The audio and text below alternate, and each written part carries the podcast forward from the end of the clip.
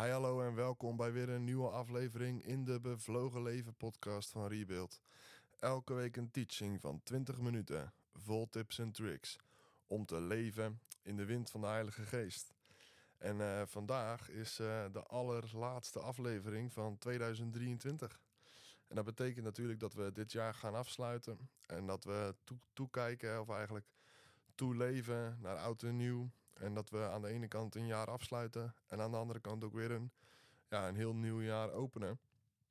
En we gaan het vandaag ook dus in deze aflevering hebben over het jaar bekronen. En uh, misschien ken je die term wel, of uh, misschien uh, ja, heb je er wel eens van gehoord of gelezen in Psalm 65. Maar het jaar bekronen, of God die het jaar bekroont met zijn goedheid, is een, is een bekende psalm. En ik, ik wil vandaag in deze aflevering een paar ja, principes halen eigenlijk uit de tekst van die psalm. Over hoe jij je jaren, het afgelopen jaar, kan bekronen of kan laten bekronen. Ja, en daarmee dus ook een nieuw jaar instapt waarvan ik geloof ja, dat het je beste jaar ooit wordt. Misschien niet je mooiste jaar of um, waarin alles in één keer goed gaat. Maar ik geloof wel dat elk jaar opnieuw God een geweldig nieuw jaar voor ons heeft liggen. Waar we ons naar uit mogen strekken.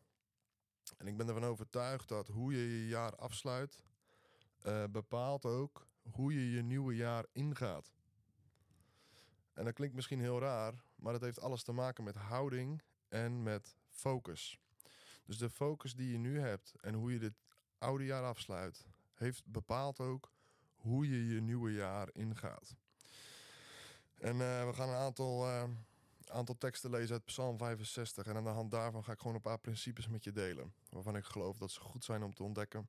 En ook uh, toe te gaan passen in je eigen leven. En te gaan geloven en daar ook in te gaan staan. In Psalm 65, vers 10 staat: U zag om naar het land en gaf het overvloed. U maakt het zeer rijk.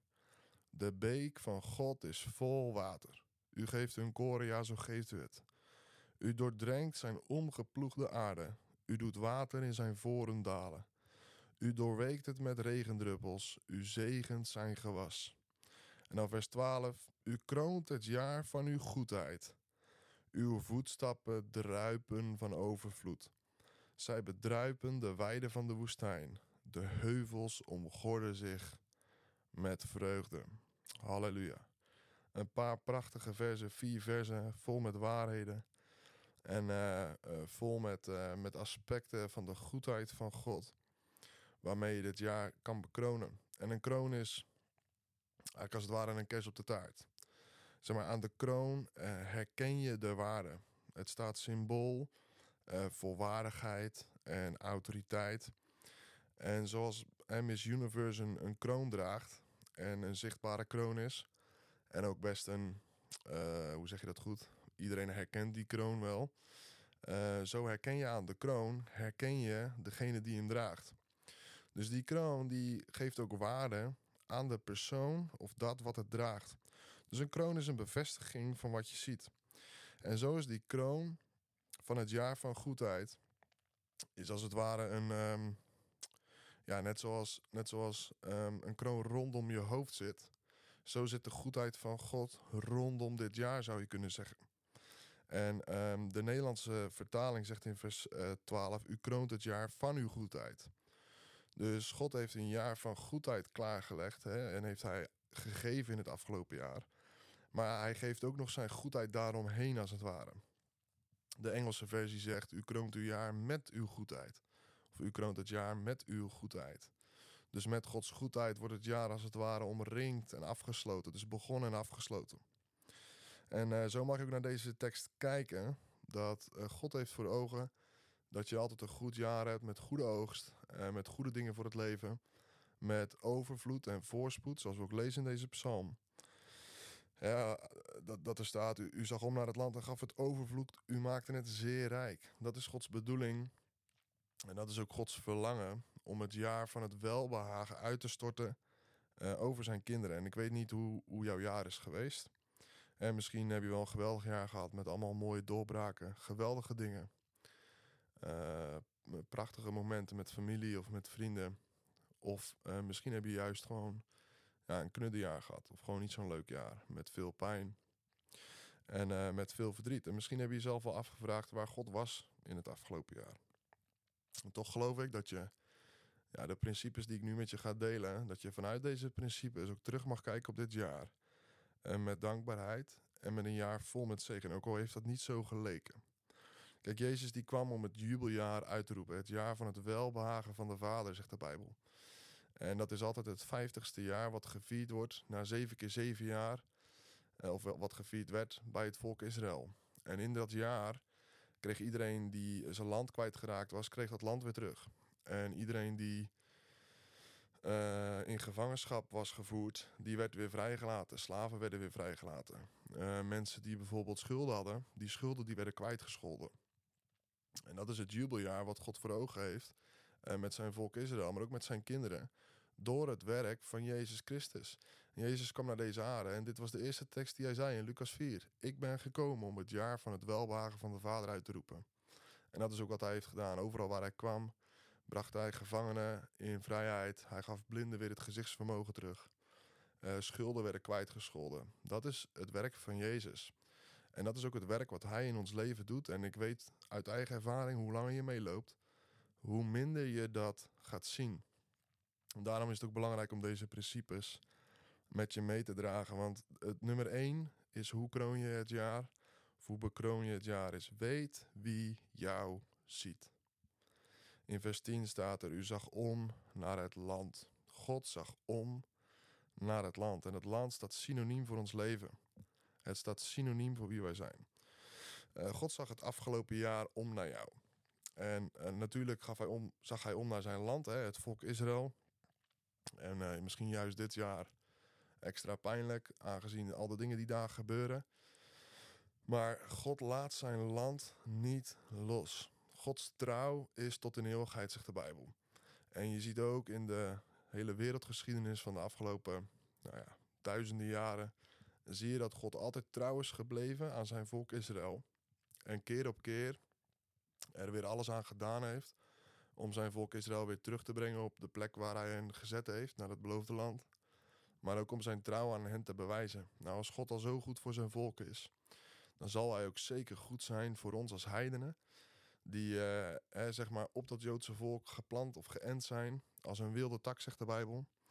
En zo ziet God ook om naar jou. Psalm 139, vers 2 zegt: U kent mijn zitten en mijn staan. U bent rondom mij. En het is zo belangrijk om te begrijpen dat er geen, eh, dat er geen enkel moment is. Dat er geen enkel moment is geweest in het afgelopen jaar. Dat God jou niet heeft gezien. Hij weet wat je gaat zeggen voordat je het überhaupt hebt uitgesproken. Staat, hij kent van verre mijn gedachten, staat er in die psalm. God die weet al wat jij gaat zeggen voordat je het bij wijze van überhaupt al zelf hebt bedacht. Hij heeft alle haren op je hoofd geteld. Wel grappig. Ik zei dat laatst tegen een kaal iemand. Toen dacht ik, oh, die uh, uitspraak is misschien minder handig bij deze persoon. Maar God heeft al je haren geteld. Hij weet precies wie je bent. Hij kent je zitten en je staan. En jij bent als het ware een stuk land. En misschien heeft het het afgelopen jaar wel bra brak gelegen. Misschien heeft er wel niks op gegroeid. Uh, of misschien heb je wel heel veel vrucht gedragen. Beide maken niet uit. God heeft jou gezien. En hij is van dag tot dag, van minuut tot minuut, betrokken geweest op je leven. Dus nummer 1, weet wie jou ziet. Uh, besef je en erken dat God degene is die jou leidt, die voor jou zorgt, die jou beschermt. Als ik kijk hoe ik mijn zoontje tegen allerlei gevaren bescherm door continu op hem te letten. Om uh, te kijken of hij niet van de bank afvalt. En hem daardoor dus bescherm voor slechte dingen. Zo zorgt God ook voor jou. En of je een goed jaar hebt gehad of een minder goed jaar. God heeft jou gezien en hij zal jou altijd blijven zien. En dan principe 2 is: weet wie de gever is. Vers 10 zegt: U gaf het. Uh, u gaf het overvloed. U maakt het zeer rijk. De beek van God is vol water. En overvloed is een, is een lastige term. Waar we vaak uh, niet zoveel mee kunnen. En misschien zelfs een beetje schuchter voor zijn. Alsof we. Uh, het heeft ook veel te maken met ons godsbeeld. Vaak geloven we niet dat God God is die overvloedig geeft. Maar toch zegt de Bijbel op zoveel plekken. dat Gods zegen, zijn overvloed, is meer dan we kunnen hebben. Is meer dan we kunnen, kunnen dragen. Kijk, eh, eh, eh, het is niet alleen genoeg voor jezelf. Kijk, dat is voorziening. Voorziening is genoeg voor jezelf. Overvloed betekent dat je ook nog genoeg hebt voor een ander om door te geven. Zoals die psalmist zegt in, vers 23, of in Psalm 23: mijn, mijn beker vloeit over. Er is niet genoeg in mijn beker om te kunnen houden. Ik moet het wel aan anderen geven. Zo rijk en zo vol overvloed is God, die overvloedig geeft.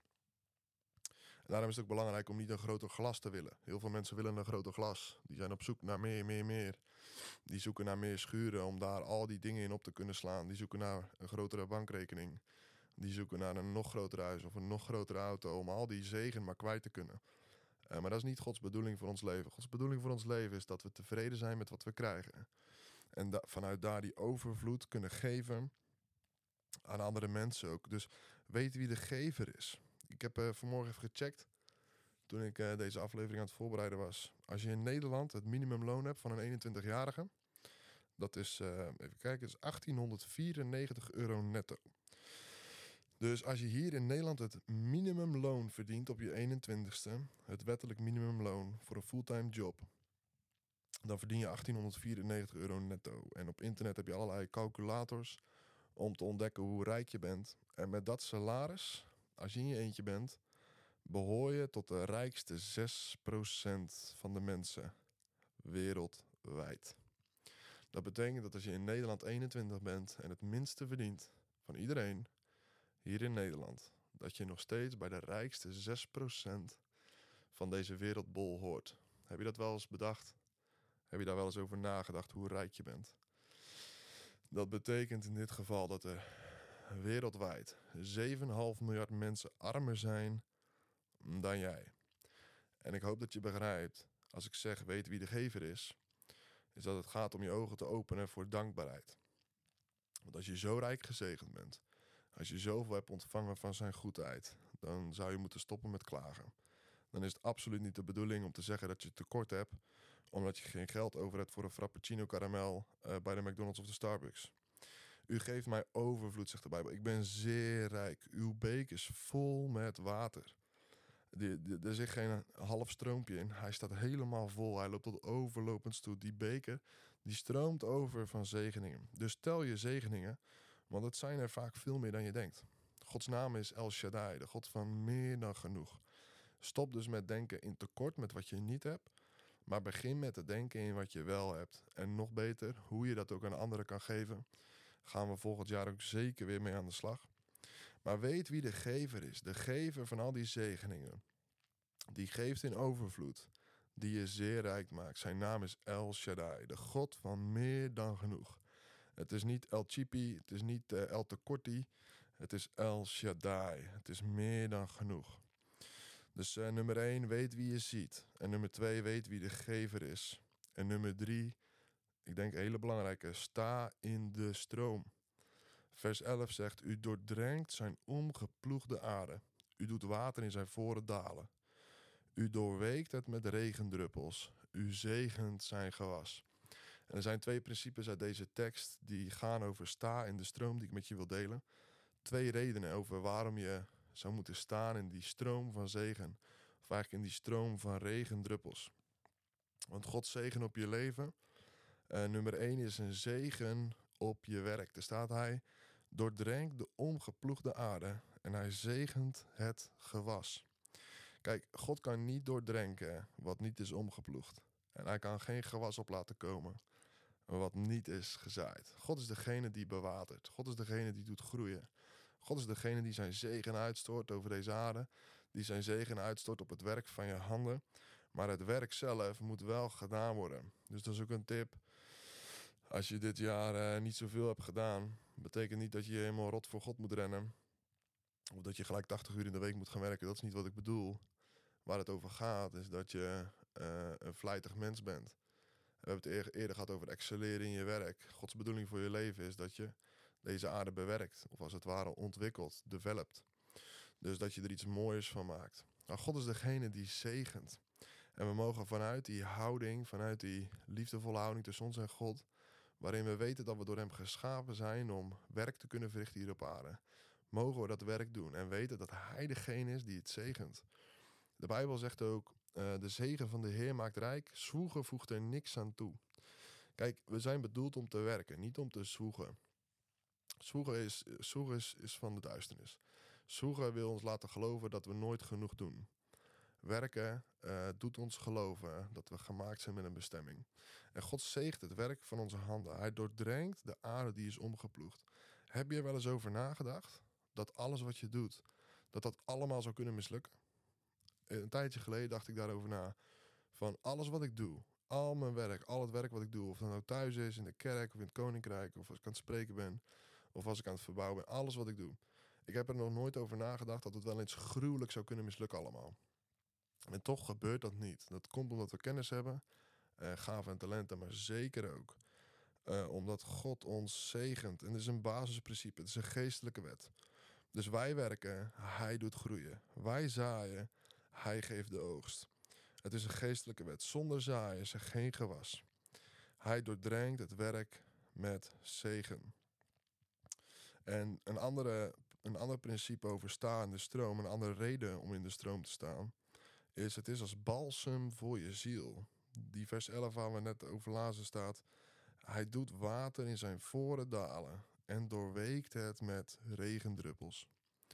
En voren zijn eigenlijk de sleuven en de ruggen die in het omgeploegde land liggen. Misschien heb je het wel eens gezien. Als een stuk land is omgeploegd, dan zie je altijd van die rugjes liggen. En daartussen van die sleuven.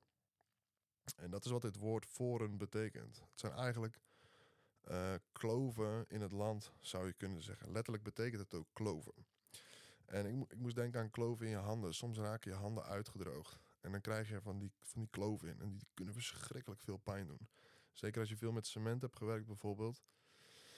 Die, uh, dat cement onttrekt het vocht uit je huid. Waardoor je echt verschrikkelijke kloven kan krijgen in je handen die enorm veel pijn doen. Zo kan je soms ook kloven hebben in je ziel. En door de verwondingen die je hebt opgelopen. Um, door de dingen die je hebt meegemaakt. Door de dingen die anderen over je hebben gezegd of tegen je gedaan hebben. Uh, of misschien zelfs omdat je uit de stroom bent gestapt. Misschien dat je wel uit die regen, die zegen van God bent gestapt. En um, ik geloof wel heel erg uh, dat het jaar, uh, elk jaar ziet eruit met ups en downs. En met, met, met, met, met sleuven en ruggen, met kloven. Uh, met, met, ups en downs, met, met dalen en bergen. Uh, en ik zeiden vroeger wel eens... Oh, het zou wel lekker zijn als volgend jaar wat beter was. En elk jaar zeiden we aan het einde van het jaar... Het was weer zo'n uh, weer zo'n jaar met dalen. En elke keer als we het over die dalen hadden, vergaten we die bergen. En op een gegeven moment zijn we gaan geloven voor ons beste jaar ooit. Betekende dat dat elke omstandigheid gelijk veranderde? Nee. Het heeft alles te maken met onze setting. Uh, met onze houding, met de manier waarop je naar zo'n jaar kijkt. Dus misschien is dit wel het meest turbulente jaar ooit geweest van ons leven, maar wel het beste jaar ooit, want God was erbij. In de ups en de downs, in de dalen en in de bergen, in de kloven uh, en in de ruggen. God is in beide werkzaam en hij bewatert ze dus ook allebei. De Bijbel zegt hij zal alles meewerken ten goede. Dus elke omstandigheid waar je in zit. God is bij macht om het om te draaien. Satan in zijn eigen, vaart, uh, in zijn eigen zwaard te laten vallen. En jou uh, te laten floreren. Betrek God dus ook in je ups en je downs. En het zal werken als balsem voor je ziel. Stap in die stroom, ga in die regen staan. En zeg, Heer, ik verwacht het van u en u alleen. Wilt u gaan werken? Wilt u mijn kloven bewateren? De ups en de downs in mijn ziel. Wilt u erover gaan heersen en regeren? Dus de staan, de stroom heeft twee kanten. Het is een zegen op je werk. Gods, Gods stroom van zegen. Gods stroom van, van regendruppels die, die de aarde echt doordrenken, staat er. Het is een zegen op je werk. En het is als een balsem voor je ziel. En dan de laatste, staat in vers 13. Uw voetstappen druipen van overvloed. De heuvels omgorden zich met vreugde. Principe 4, de laatste. Omgod jezelf met vreugde. Overal waar de voetstappen van God komen, waar zijn voeten neergezet worden, uh, daar druipen zijn voeten van overvloed, zegt de Bijbel. Heb je wel zo'n handdoek gehad die uh, niet, niet nat was, maar echt nat nat? Zo nat dat als je hem uithing, dat er nog steeds water uit bleef druppelen. Nou, dat is het beeld wat die psalmist over Gods voetstappen zegt. Overal waar hij komt, zijn voetstappen druipen van overvloed. In de, in de Engelse eh, Bijbel staat with fatness. En fatness is, ik moet dan een beetje denken aan, zo'n hamburger die eh, iets, te, iets te vet is, weet je. Als je erin knijpt, dat er allemaal, allemaal vet uitstroomt. Maar dat fatness staat als teken voor rijkdom. Gods, Gods verlangen is, is rijkdom, is fatness, is meer dan voldoende. Dat wat hij geeft, dat dat als het ware druipt van overvloed. En ietsje verder kan je ook lezen in dat vers. Ehm, even kijken, wat staat daar? In vers 14. Zij bedruipen de weide van de woestijn. Waar God, waar God zijn voeten neerzet, daar wordt de woestijn wordt veranderd in een weide. Waar God zijn voetstappen en neerzet, daar wordt een droogte veranderd, verandert daar in een oase. Dat is Gods, uh, dat is Gods werk in ons leven. En dat is alle reden dus voor dankbaarheid. En dus vreugde. Um, die heuvels, die, die, die hier in vers 14 worden, uh, worden genoemd, de heuvels omgorden zich met vreugde. Dat zijn wij, die te midden van het land staan als het ware. En um, wij mogen dus onszelf omgorden met vreugde. Op heel veel plekken in de Bijbel staat niet probeer blij te zijn of probeer vreugde te hebben. Nee, daar staat wees verheugd. Wees verheugd. Het is een opdracht. Het is een opdracht die we krijgen vanuit de Bijbel om niet blij te doen, maar om in vreugde te stappen en te zeggen, ondanks de omstandigheden, ondanks wat me dit jaar is overkomen, ondanks de ups en de downs, ik richt mijn blik op God. En ik ben dankbaar en vreugdevol over de dingen die Hij mij wel heeft uh, gezegd. Er staat niet in de Bijbel, wees verheugd als God je zegent. Nee, er staat wees verheugd. Punt. En dat mogen wij doen. Ik geloof gratitude changes the attitude. Ga 2024 in met een dankbaar en vreugdevol of een verheugd hart. En het zal je houding veranderen. Het zal heel je blik op God gaan veranderen. En daarmee ook je blik op je omstandigheden. En dan ga je ontdekken: hey, dit is maar tijdelijk. Deze omstandigheden, deze zullen ook voorbij gaan. This too shall pass. Er komt een moment dat ik weer opklim uit het dal. En dat ik weer op een bergtop sta. En dat ik geleerd heb van die omstandigheden. Dat God het ten goede heeft gekeerd. En dat 2024 mijn beste jaar ooit wordt. En daar wens ik je echt ontzettend uh, veel zegen mee. Dus trek je op aan die principes als ze je helpen. Weet wie je ziet. Weet wie de gever is. Stap in de stroom. En omgod jezelf met vreugde. En bekroon het jaar met zijn goedheid. Halleluja. Ik hoop dat je geïnspireerd en aangespoord bent om een bevlogen leven te leiden. Rebuild heeft het verlangen dat Gods koninkrijk zichtbaar en tastbaar wordt in elk facet van het leven. In jouw leven. En niet alleen in dat van jou, maar ook in dat van je buren, je familie, je vrienden en je collega's. Wil je meebouwen met Rebuild en ben je benieuwd hoe je dit kunt doen? Kijk dan op www.rebuilders.nu meebouwen. Ik wens je nog een hele fijne dag.